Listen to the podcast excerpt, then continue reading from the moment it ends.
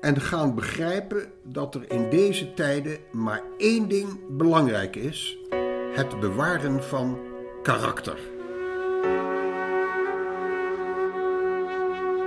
Mijn vader een beetje kennende, dat is wel voor hem de kern. Als er onrecht gebeurt, moet je niet aan de kant blijven staan. Als het onrecht door blijft gaan, dan kun je toch niet op je handen zitten.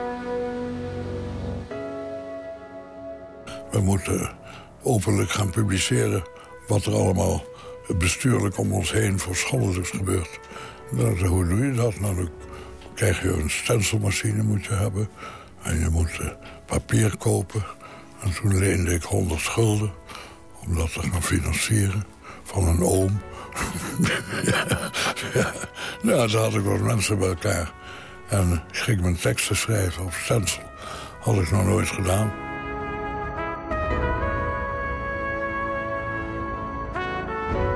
Het is 20 december 1941 als Mom Wellenstein het pamflet De Oprechte Delftenaar publiceert. Met het geschrift keren hij en een aantal medestudenten in Delft zich tegen maatregelen van de Duitse bezetter. Zo zijn Joodse studenten uitgesloten van onderwijs en zijn Joodse docenten ontslagen. Van studenten die willen blijven studeren wordt een loyaliteitsverklaring verlangd. Mom Wellenstein blijft, zoals zijn zoon Edmond in 2019 zegt, niet op zijn handen zitten. En wellicht is die stap mede bepalend geweest voor het Verenigd Europa dat Mom Wellenstein na de oorlog heeft helpen opbouwen. Als dit voorbij is, God weet of we daar nog uitkomen, dan moeten we dat echt op een totaal andere manier bekijken. Niet ieder voor ons voor zich in ons hoekje en elkaar daarna doodslaan. Maar uh, wat kunnen we samen? Ja. Luister naar De Oorlog en de Vrede van Mom Wellenstein in de serie Oranje Hotel in Verzet. Waarin een Delftse student met een stencilmachine studenten, docenten en bestuurders oproept weerstand te bieden. En hoe hij later vanuit Luxemburg, Europese staten en hun burgers weet te winnen voor vrede en economische voorspoed. Wat stond er in die oprechte Delftenaar? Stond eigenlijk... Dit is het eerste nummer? Dit is het eerste en laatste nummer. Het waren vier pagina's. Maar daar stond eigenlijk in, van luisterers, uh, kort samengevat... Er gebeuren een aantal dingen die niet door de beugel kunnen. Al dan niet gericht op bepaalde groepen van in onze samenleving. Die dingen die deugen niet en daar moeten we ons tegen verzetten. En dat moeten we massaal doen, want als we het niet massaal doen, dan is het effect veel te gering. Hoevelen hebben zich, helaas, om de tuin laten leiden door het trage tempo van het barbarisme? Elke volgende stap die de overheerser deed, leek zo onbeduidend dat bijna niemand het verantwoord achtte om naar aanleiding van juist deze stap in verzet te komen en al dus waardevolle bezittingen op het spel te zetten. Het verderfelijke van dit trapsgewijze toegeven is wel duidelijk gebleken. Ieder die had gehoopt door een dergelijke handelswijze de zaak te redden, is wel zeer bedrogen uitgekomen. Uit de handen der naties valt uiteindelijk niets te redden, behalve het eigen karakter. Ook in dit pamflet zie je ook niet alleen ontwaakt, wees waakzaam, maar verman je en toon moed. De inhoud van de oprechte Delftenaar is vrij gedecideerd. Het is geen schotschrift dat wemelt van de uitroeptekens. De kracht zit hem in het signaleren van een aantal maatregelen van de bezetter, die elk op zich misschien niet zo ernstig zijn om er tegen te hoop te lopen, maar die tezamen een sluipend gif vormen. Wellenstein is in die tijd voorzitter van de Centrale Commissie voor Studiebelangen die zich inzet voor huisvesting, boeken en voedsel voor de studenten. Het is het enig nog functionerende orgaan dat nog contact heeft met de academische wereld in Delft en het ministerie van Onderwijs, nadat alle andere verenigingen en ook de hogeschool zelf gesloten zijn. En men heeft mijn vader en zijn collega's onder enorme druk gezet om mee te werken en om niet zo moeilijk te doen, zodat de technische hogeschool open kon gaan. Want dat was voor de bezetter heel belangrijk, want het was een technische universiteit en ze hadden ingenieurs nodig. En dat heeft hij geweigerd. Dat maakt hem al verdacht. Als de oprechte Delftenaar verschijnt, zijn alle ogen gericht op Wellenstein en zijn medebestuursleden Leo Hupkes en Henk Reef. Ze worden alle ingerekend, maar het zijn. De verkeerde. Wel mij, maar ook die twee anderen. Die met bij het dagelijks bestuur van de Centrale Commissie voor Studiebelangen. En die had ik expres buiten dit hele proces gehouden. Zeggen nee, nooit twee dingen tegelijk. Dus die hadden ook geen idee. En er werd ook niks gevonden. Huis overhoop gehaald, niks gevonden. De bestuursleden weten nergens vanaf, want het pamflet is voorbereid door anderen, onder wie behalve Wellenstein zelf, Ties Risselada, Paul Eckenhausen, Hans Maarten Siasny en Rolf Adolf Brzowski. Allen ontspringende dans, met uitzondering van Wellenstein zelf dus, die wel tal van voorzorgsmaatregelen heeft getroffen. En het moest alles klaar zijn voordat de huisgenoten in dat huis wakker werden. Want er moest alles opgeruimd zijn.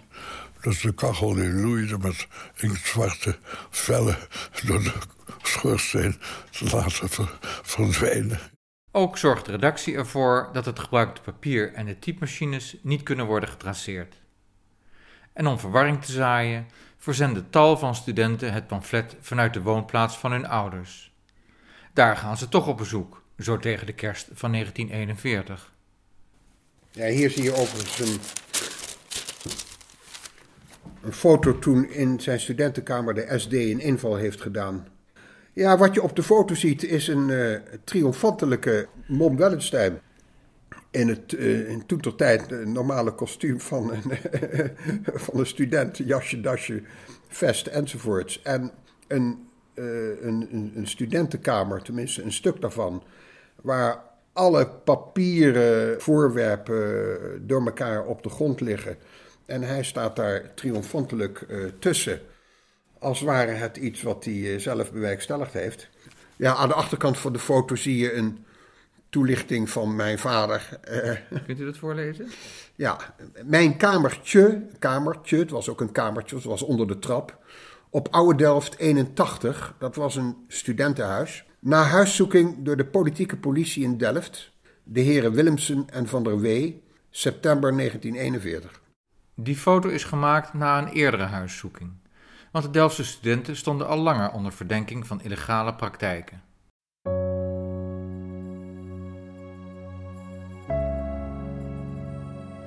Maar op 15 januari 1942 is het sloes met die triomfantelijke blik.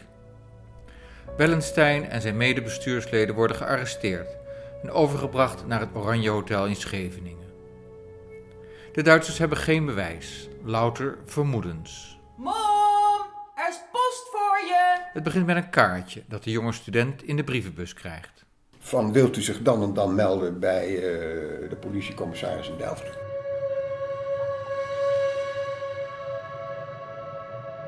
Doen of niet doen? De oproep ziet er heel onschuldig uit.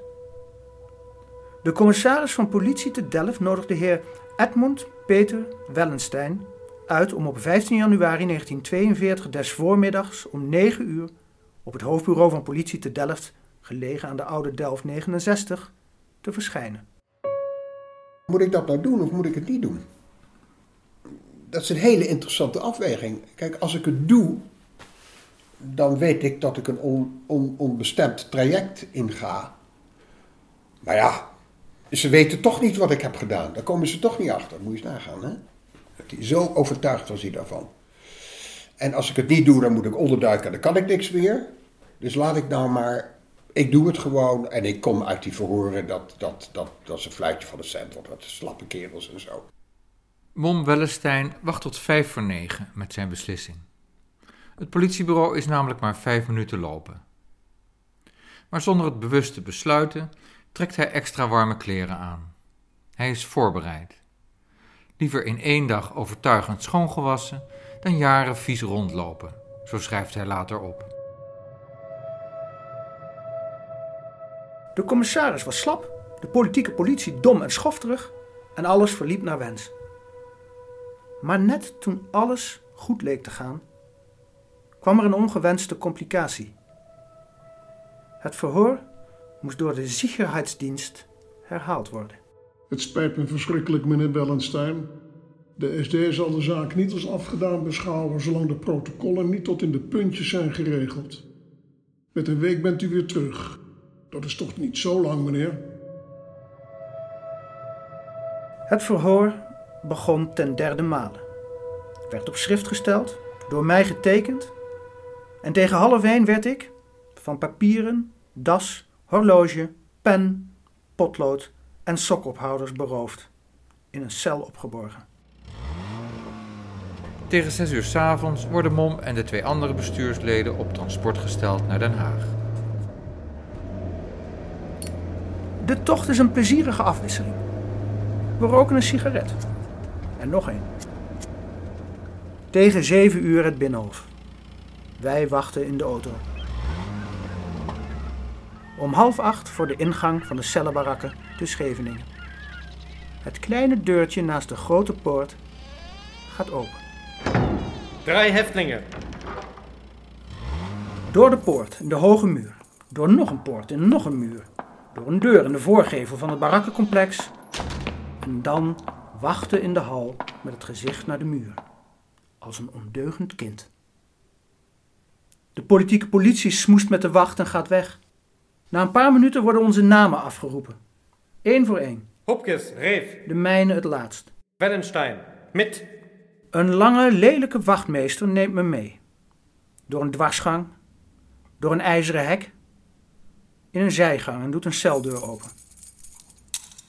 Het licht knipt aan, de verduistering gaat dicht en de lange verdwijnt. De grendels klinken dof. Ik kijk rond. Nu is het uit met doen of niet doen. Nu is het voorlopig alleen maar meedoen, zo goed als je kunt. Dat is een nieuwe gedachte om aan te wennen. Waar komt dat vandaan? Nog een keer. Het is gauw gevonden, naast het tafeltje dat in de rechtermuur vastzit. Er is een gaatje. Je kunt erdoor praten. Zo krijg ik mijn eerste instructies, die me goed van pas komen.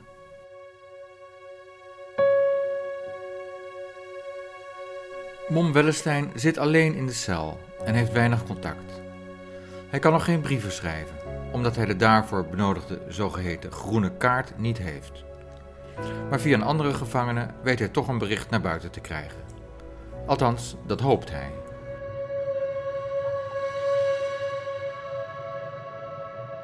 Vandaar mijn blijdschap als ik hoor dat de kruidenier uit 447 over een paar dagen ontslagen zal worden en bereid is een briefje mee te nemen. Potlood bezit ik niet, dus moeten er andere middelen gevonden worden. Met een spijker uit de muur prik ik gaatjes in een stuk papier. En maak ik zo moeizaam letter na letter. Een hele zondag kost me dat. En het is toch maar een heel klein briefje. Intens tevreden ga ik naar bed. Opgewekt door het vooruitzicht dat morgen bij het luchten de kruidenier het briefje zal overnemen. Maar het mag niet zo zijn.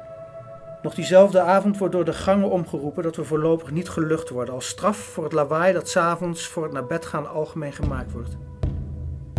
Inderdaad is het dan een gezellig tumult. Zodra de lichten uitgaan wordt er op de muren gebonst en vanuit andere cellen wordt geschreeuwd. Oranje boven!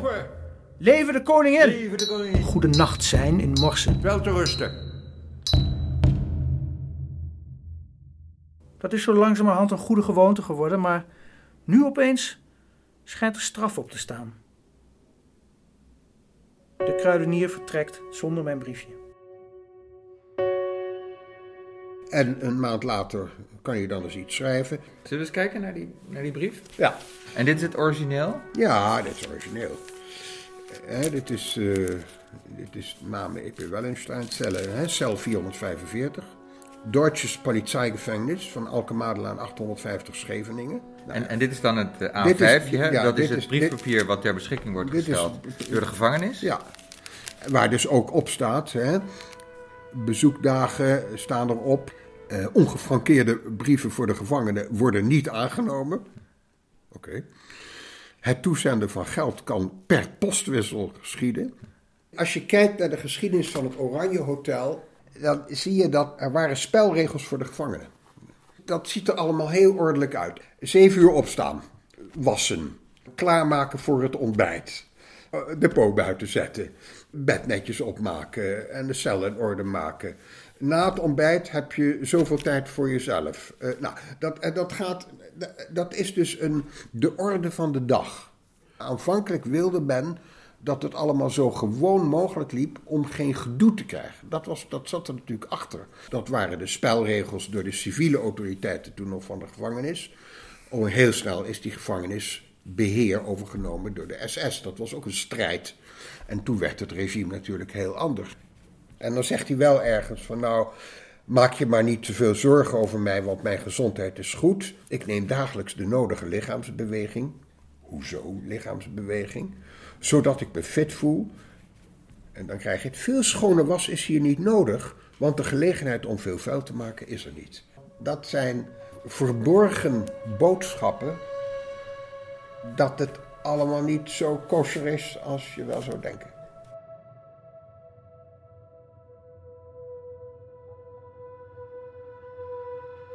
Dinsdag komen er boeken. Twee voor een week. Een praatje met de boekenman levert me nog twee studieboeken op. Die ik goed moet verstoppen, want meer dan twee werken in een cel is verboden. Zo krijgt het leven steeds meer kleur en de dagen verglijden al sneller en sneller. Maar hij, hij plaatst hier ook een bestelling, zie ik? Hij plaatst een bestelling, één handdoek, vier zakdoeken per 14 dagen. Graag grijs flanellen broek met elastiek in de band. En mijn riem. Eenmaal in de weken mag je een kantje terugschrijven. Nu, nu wat meer vuil goed, omdat ik aan mijn maat geleend heb. Iedere avond komen er nieuwsberichten door. Altijd even fantastisch en onwaar, maar toch ook altijd even plezierig om aan te horen. Opstanden in Amsterdam, Russen in Polen, invasies, bombardementen. Later kom ik erachter waar deze berichten vandaan komen. Aan het begin van onze gang zit een jonge man die heel vriendelijk, doch ook heel wonderlijk is. Hij houdt zich ermee bezig om overdag een mooi nieuwsbulletin te verzinnen en dan s'avonds te spuien als zelf van de wachtmeester gehoord.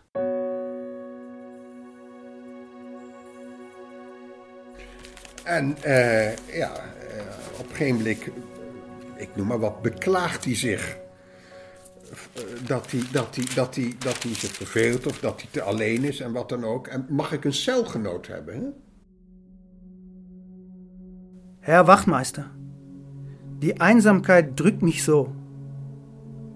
Ich möchte eine Zelle genossen haben, wenn das möglich ist. Om elf uur heb ik er alleen. Ben, een communist. Typograaf van zijn vak. Die tien dagen van tevoren van zijn bed is gelegd en een vrouw met vier kinderen heeft. Ben is een prachtkerel. Hij zit er zwaar in en zal het niet gemakkelijk krijgen. Er begint nu een heel ander leven met een sterk sociaal element. We praten eindeloos. Als het licht uit is, verkondigt Ben marxistische theorieën met een stem alsof hij op een podium staat. Tegengestelde kon het niet.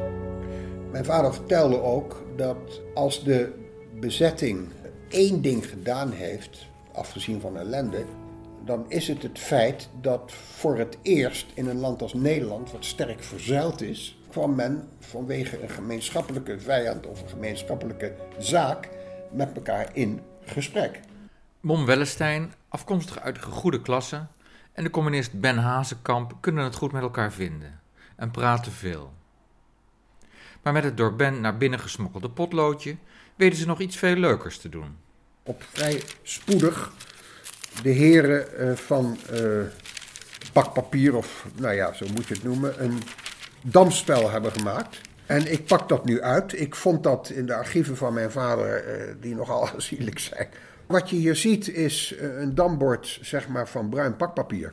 Met, uh, met een potlood, uh, zeg maar zwart gekleurde vierkantjes. En dan de vierkantjes in de kleur van het uh, lichtbruine pakpapier.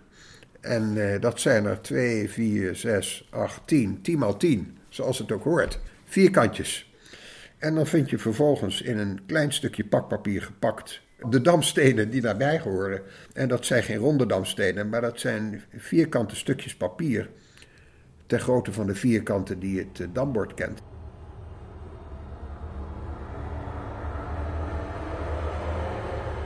Ben wordt verhoord. Dat gaat nog niet goed. Ze weten al heel veel over hem uit verhoren van collega's. Hij kan niet blijven ontkennen en toch doet hij het. Het worden vreselijke weken. Na een paar keer flink geslagen te zijn, gaat hij drie dagen de zondagscellen in. En als ik hem terugzie, is hij niet te herkennen. Vermagerd, wasbleek, met een bebloed hoofd en uitgeput. Ze hebben hem geen nachtrust gegund met een geweerkolf zijn hele lichaam gemaltreteerd. De tekenen van zijn handboeien staan diep in zijn polsen. Toch is Ben niet gebroken.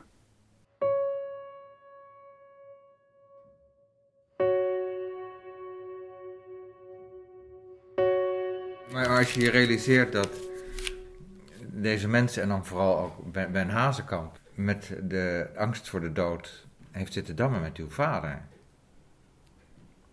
In die rare cel. Is dat, dat is een hele rare gewaarwording, vind ik. Maar, maar zodra je het ziet, dan denk je ook van... Wauw, als je dit hebt in zo'n cel, dan ben je gelukkig. Ja. Uit de beschrijving van Sarah zie je natuurlijk ook, wat, wat doe je nou zo'n hele dag? Ik denk vooral ook toen Ben Hazekamp kamp binnenkwam en aan mijn vader zijn kant van het verhaal vertelde en hij ook regelmatig onderworpen werd aan verhoren en dan weer meer dood dan levend in die cel terugkwam, was er natuurlijk geen enkele illusie bij beide heren dat het allemaal wel goed zou aflopen. En ik denk dat de mentale instelling van beide heren was: we maken er het beste van. Intensieve gesprekken, eh, ook om elkaar op te peppen, maar ook om elkaar voor te bereiden op van ja, als het slecht gaat aflopen of slechter gaat lopen dan nu, wat doe je dan, hoe ga je dat En, en ik denk dat dit een uitingsvorm was om, om, er, om, om er het beste van te maken. En laten we uit de, eh, uit de donkerste momenten toch nog lichtpunten halen die het draaglijk maken.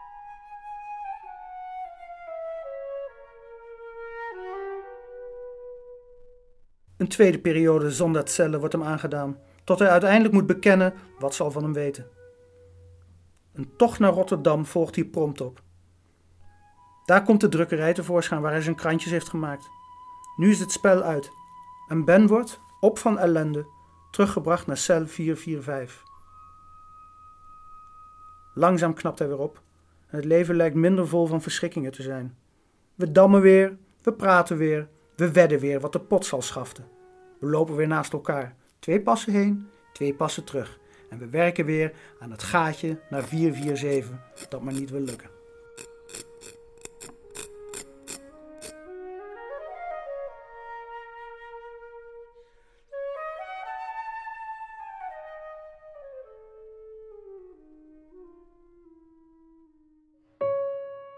En mijn grootmoeder schrijft dan terug. 7 maart 1942. Zeer verheugd was ik op 4 maart je brief van 2002 te krijgen en te horen dat je gezond bent en je hebt weten aan te passen. Mocht je ooit iets mankeren, typisch mijn grootmoeder, bedenk dan dat er een goede dokter en tandarts aan de gevangenis verbonden zijn. Voor je lichaamsbeweging deed ik gymschoenen bij de was. Het is jammer, maar alle faciliteiten, ook studieboeken en bezoek, zijn voor eerst in het algemeen opgeheven. Zij kon hem dus niet bezoeken. Dus zal ik maar uiterst weinig voor je kunnen doen. Ik heb het tweede halfjaar collegegeld voor je betaald. En, nou ja, en een aantal andere dingen, de fietsenstalling en dat soort dingen. Ze surft mee op zijn golflengte van de normaliteit van de dagelijkse dingen buiten de gevangenis. Maar laat dus ook weten van luisters, ik ga ervan uit dat je binnenkort weer vrijkomt en dan kun je dus in Delft weer aan de slag. Nog voordat de koffie langskomt, klinkt er lawaai in de gang. Deuren gaan open en weer dicht. Een stem van een wachtmeester geeft bevelen. Waarschijnlijk een transport. Plotseling worden ook onze grendels weggeschoven. Het slot klikt, een kleine wachtmeester staat binnen en roept mijn naam af. Wellenstein, sofort fertig machen.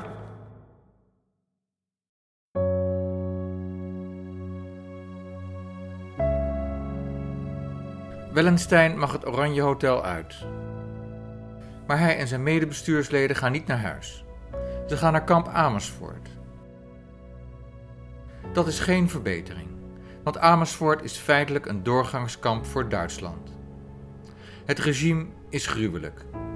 Nou, ik was eerst in de gevangenis in Scheveningen. Dat vond ik later eh, per vergelijking een paradijs. Moms lot bungelt aan een zijden draadje. Kamp Amersfoort was natuurlijk oneindig veel gewelddadiger. Haastig neemt Mom afscheid van zijn celgenoot. Die zal hij in kamp Amersfoort nog één keer zien.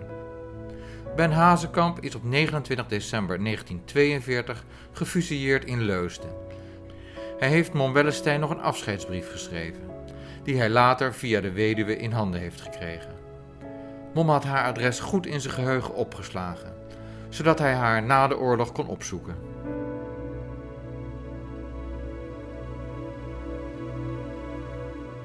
In kamp Amersfoort lijdt Mom Wellestein permanent honger. Hij krijgt wonden die niet meer genezen en hij belandt in het dysenteriebarak. Hij is er getuige van de waanzin van het naziregime. En dan zie je daar bij aankomst na een tijdje opeens... terwijl je buiten geoefend wordt, getraind... zeg je, wat loopt daar? Dat is iemand uit Centraal-Azië. Doet hij hier? Het zijn Russen uit Centraal-Azië, die door de nazi's met 101 tegelijk naar Nederland zijn gebracht om te laten zien wat voor soort untermenschen het zijn. Ze worden over de kling gejaagd. Maar in plaats van afgrijzen hebben de medegevangenen medelijden met hen. Ze steken de Russen brood en appels toe. En een paar weken later worden ze dus met z'n allen naar een grote kuil gebracht buiten het kamp. Neergeschoten en daarin zand eroverheen. Nou ja, dan denk je wel, wat gebeurt hier? Wat is de ratio daarvan? Die is er niet. Maar je zegt, ik ben dus beland bij waar ik de waanzin in werking zie van dit regime. Ja, hier, gebeurt hier, Amersfoort. Een stukje hei. Daar ben ik toevallig deel van. Nou ja, dat is een overrompelend besef.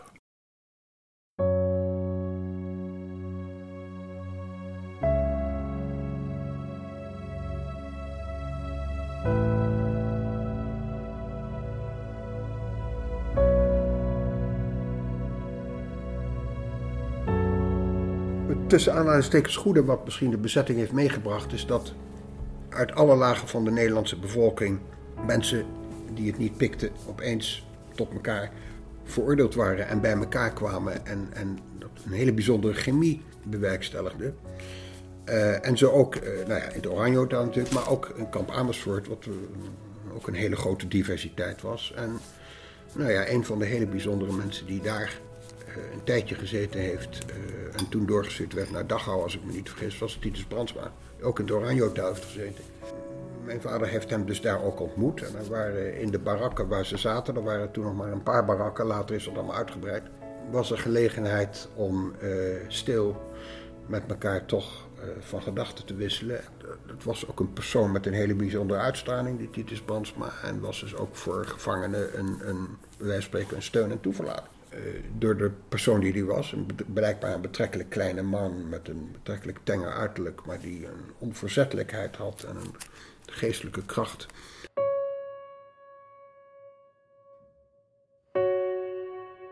En ik denk dat dat ook een van de elementen is geweest die mijn vader op een gegeven moment heeft gevraagd. A, van hoe, hoe ga je in dergelijke extreme omstandigheden met jezelf en met de omstandigheden om? En twee, waar zijn we eigenlijk mee bezig?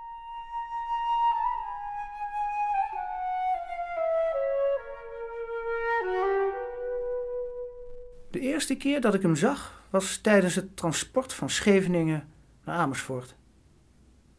En ik dacht, wat een nietig, schriel mannetje. Moet zo'n hulpeloos en onhandig type ook naar het kamp? Dat redt zo'n kereltje nooit. Ook al wist ik niet wat ons in Amersfoort allemaal aan vreselijks te wachten stond, dat het allesbehalve een vakantieoord was, besefte ik heel goed. Maar toen zag ik die oogjes, zo glashelder. We kwamen allebei in dezelfde barak terecht. Hij aan de ene kant van de gang en ik aan de andere kant. En al snel ontdekte ik dat Brandsma een grote innerlijke kracht bezat. Hij straalde een geweldige menselijkheid uit. Een, een, een op diep godsvertrouwen gebaseerde sereniteit die imponeerde. Je besefte, hier staat een bijzonder mens. En dat was bepaald niet alleen mijn indruk. Wat er ook met hem gebeurde, hij bleef in alle omstandigheden zichzelf, ook in de ergste ellende. Hij bekommerde zich om medegevangenen in nood op een rustige, van overdreven sentimentaliteit gespeende manier. Hij had gewoon een, een, een warme persoonlijkheid.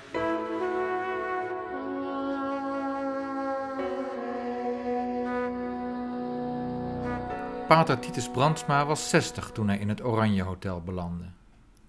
Vanuit zijn katholieke achtergrond had hij zich geweerd tegen het goddeloze nazisme.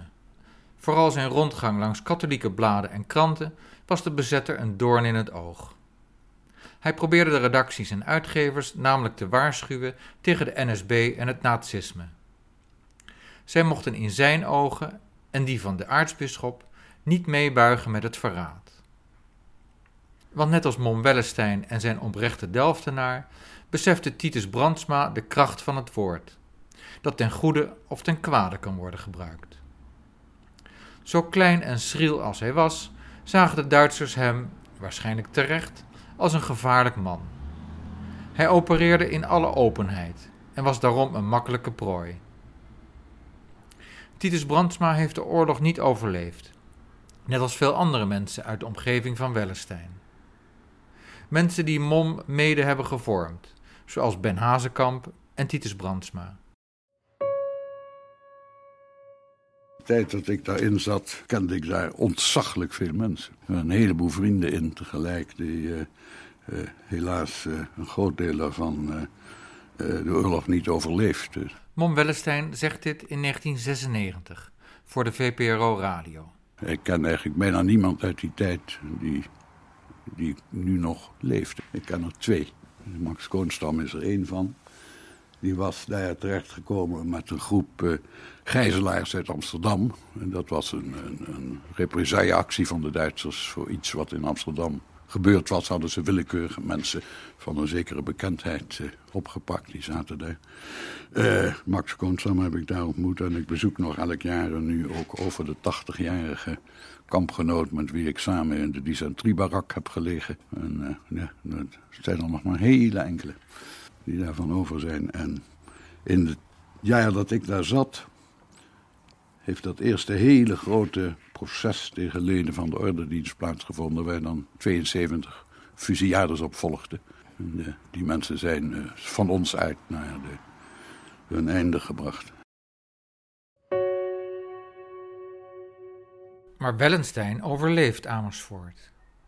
Na bijna in totaal een jaar te zijn opgesloten, komt hij vrij zonder ooit te zijn berecht. Hoe kwam dat zo, volgens zijn zoon Edmond Wellenstein? Dat hij op een gegeven moment uit kamp Amersfoort uh, is vrijgelaten, is, was een strijd tussen de SS en de civiele Duitse autoriteiten uh, om het feit dat de SS zei van nou, gewoon een klootzak.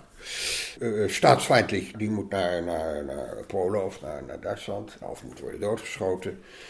En de civiele autoriteiten zeiden, nee, maar daar krijgen we problemen mee. Wat voor soort problemen, Mom Wellenstein? De vader van een van mijn kornuiten, die was president-directeur van de Nederlandse spoorwegen. Die had bij de Duitsers toch status. Daar ga je geen ruzie mee maken, voor niks. En die zei, je hebt mijn zoon gevangen genomen. Wat heeft hij gedaan? En ze konden niks vertellen. Dus dat werd awkward, dat werd gênant.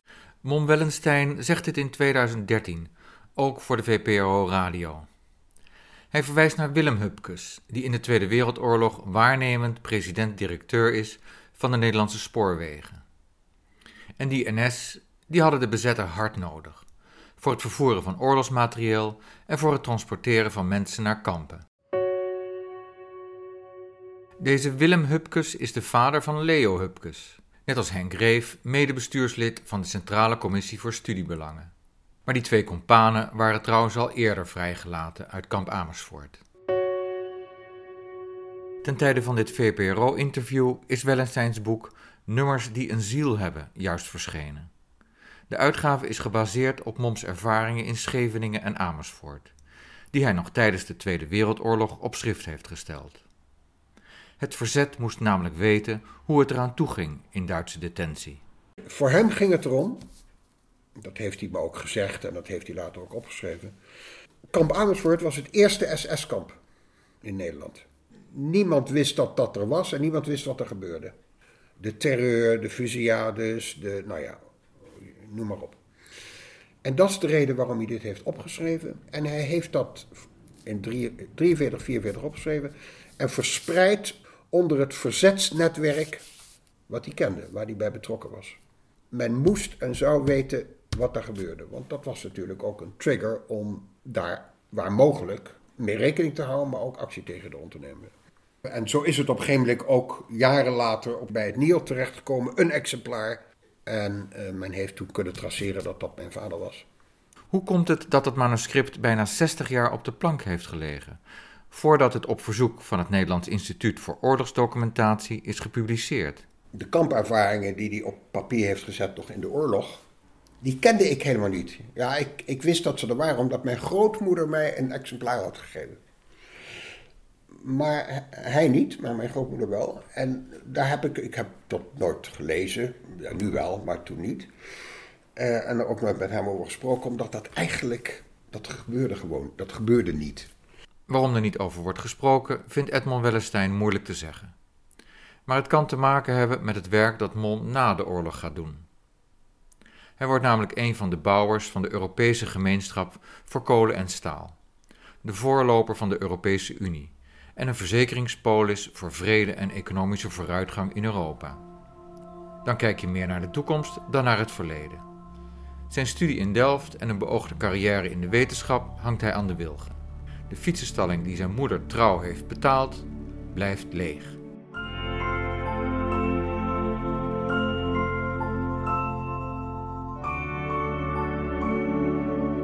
Door zijn ervaringen in het concentratiekamp Amersfoort onder andere ook gesprekken met Titus Brandsma en anderen, heeft bij hem het eh, inzicht gebracht van het heeft helemaal geen zin om straks de wetenschap vanuit een Ivoren Toren te doen. Wij moeten gaan werken aan de wederopbouw, het herstel en de wederopbouw van Europa de reden om de Europese gemeenschap te stichten was eerst en vooral om te zorgen dat landen die elkaar, met name Frankrijk, Duitsland, die elkaar heel lang uh, het leven zuur hadden gemaakt, om ervoor te zorgen dat dat niet meer gebeurde. En uh, dat ging dan door middel van het onder gezamenlijke hogere bevoegdheid brengen van de oorlogsindustrie. Want zo eenvoudig was het, staal en kolen. En daarbij te betrekken alle landen die hadden geleden, aan de ene of aan de andere kant van de streep staand, tijdens die Tweede Wereldoorlog. Een methode om die verwoeste landen na de oorlog weer tot leven te brengen, welvaart, uh, welvaart en welzijn terug te brengen. En dus het vredeselement is zeker een punt, maar vooral in de zin van uh, niet meer oorlog. Uh, dus je, je ontneemt, uh, bij wijze van spreken, de, instrumenten om oorlog te voeren. Kolen en staal. Geniaal. De oprichters van de eerste versie van de EU zijn zes landen: Duitsland, Frankrijk, Italië, Nederland, België en Luxemburg. Het is beslist geen gelopen race. Mon werkt bij het ministerie van Buitenlandse Zaken als er in 1952 voornemens is om met het gezin naar Luxemburg te verkassen. De meeste mensen zeiden, je zit hier toch goed, wat moet je nou, waarom moet je weg? Wat, wat, wat, wat ga je doen? Dat mislukt misschien, dan zit je daar. Maar het is spitsroede lopen, tussen landen die elkaar niet veel eerder in het strijdperk ontmoeten. De jonge mensen die de Europese gemeenschap voor kolen en staal hebben opgebouwd onder rondom meneer Jean Monnet, die daar de grote leider van was.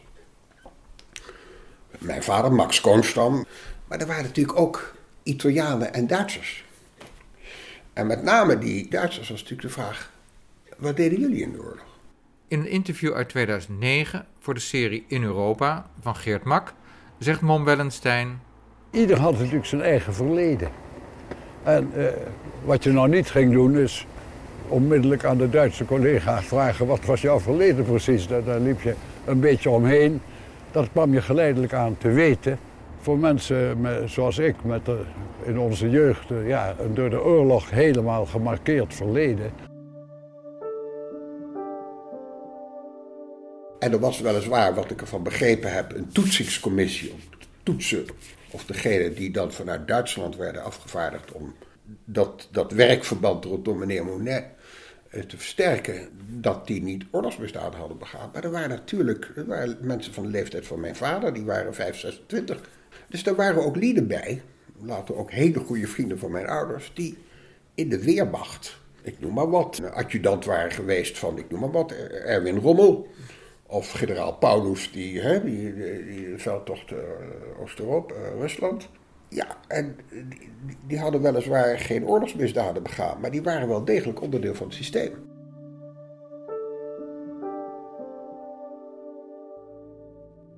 Wij beginnen een nieuwe wereld.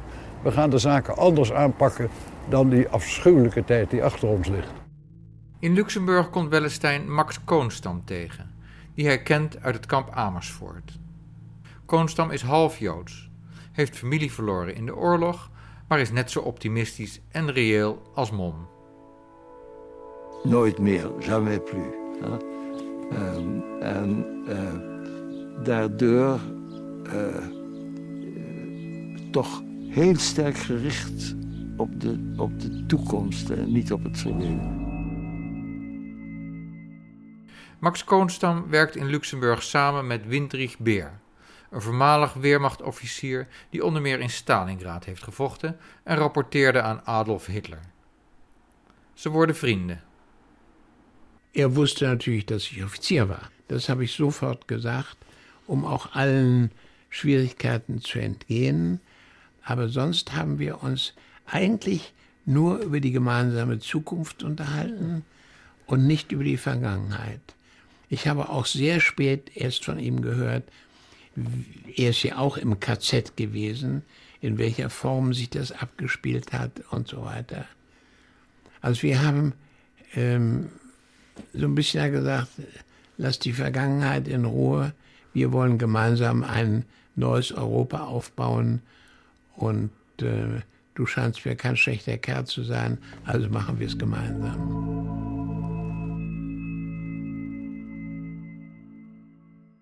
Ook Windrich Beer en Mom Wellenstein hebben tot het einde van hun dagen een hechte vriendschap onderhouden. Is er tot op vlak voor de dood van die man en mijn vader een uitgebreide briefwisseling geweest over de tijd van toen.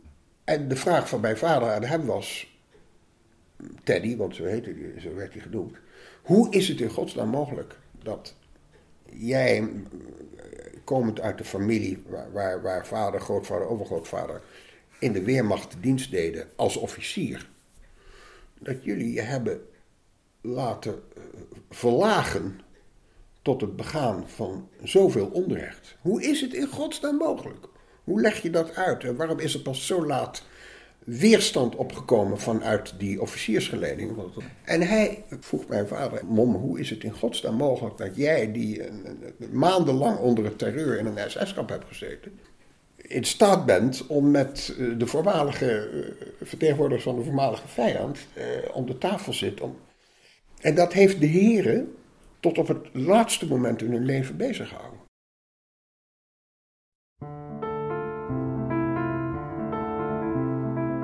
Dit is een productie van Peter de Ruiter in de serie Oranje Hotel in Verzet. Die wordt ondersteund door de Eva Tas Foundation. Met de stem van Jeroen Smit als de jonge Mom Wellenstein. Hij leest voor uit het boek Nummers die een ziel hebben van Mom Wellenstein uit 2013. Het laatste fragment komt uit Titus Brandsma, De man achter de mythe van Tom Krijnen uit 2008. Muziek en geluidseffecten Jan-Pieter Geersing, Armin van Buren en anderen. Coverfoto Marco Bakker. De geciteerde geluidsfragmenten komen uit radioprogramma's van de VPRO uit 1996 2009 en 2013. Met dank aan Edmond Wellenstein. Wil je meer afleveringen horen uit deze serie? Abonneer je dan met je favoriete podcast-app gratis op Luisterdoc. Meer informatie op luisterdoc.nl.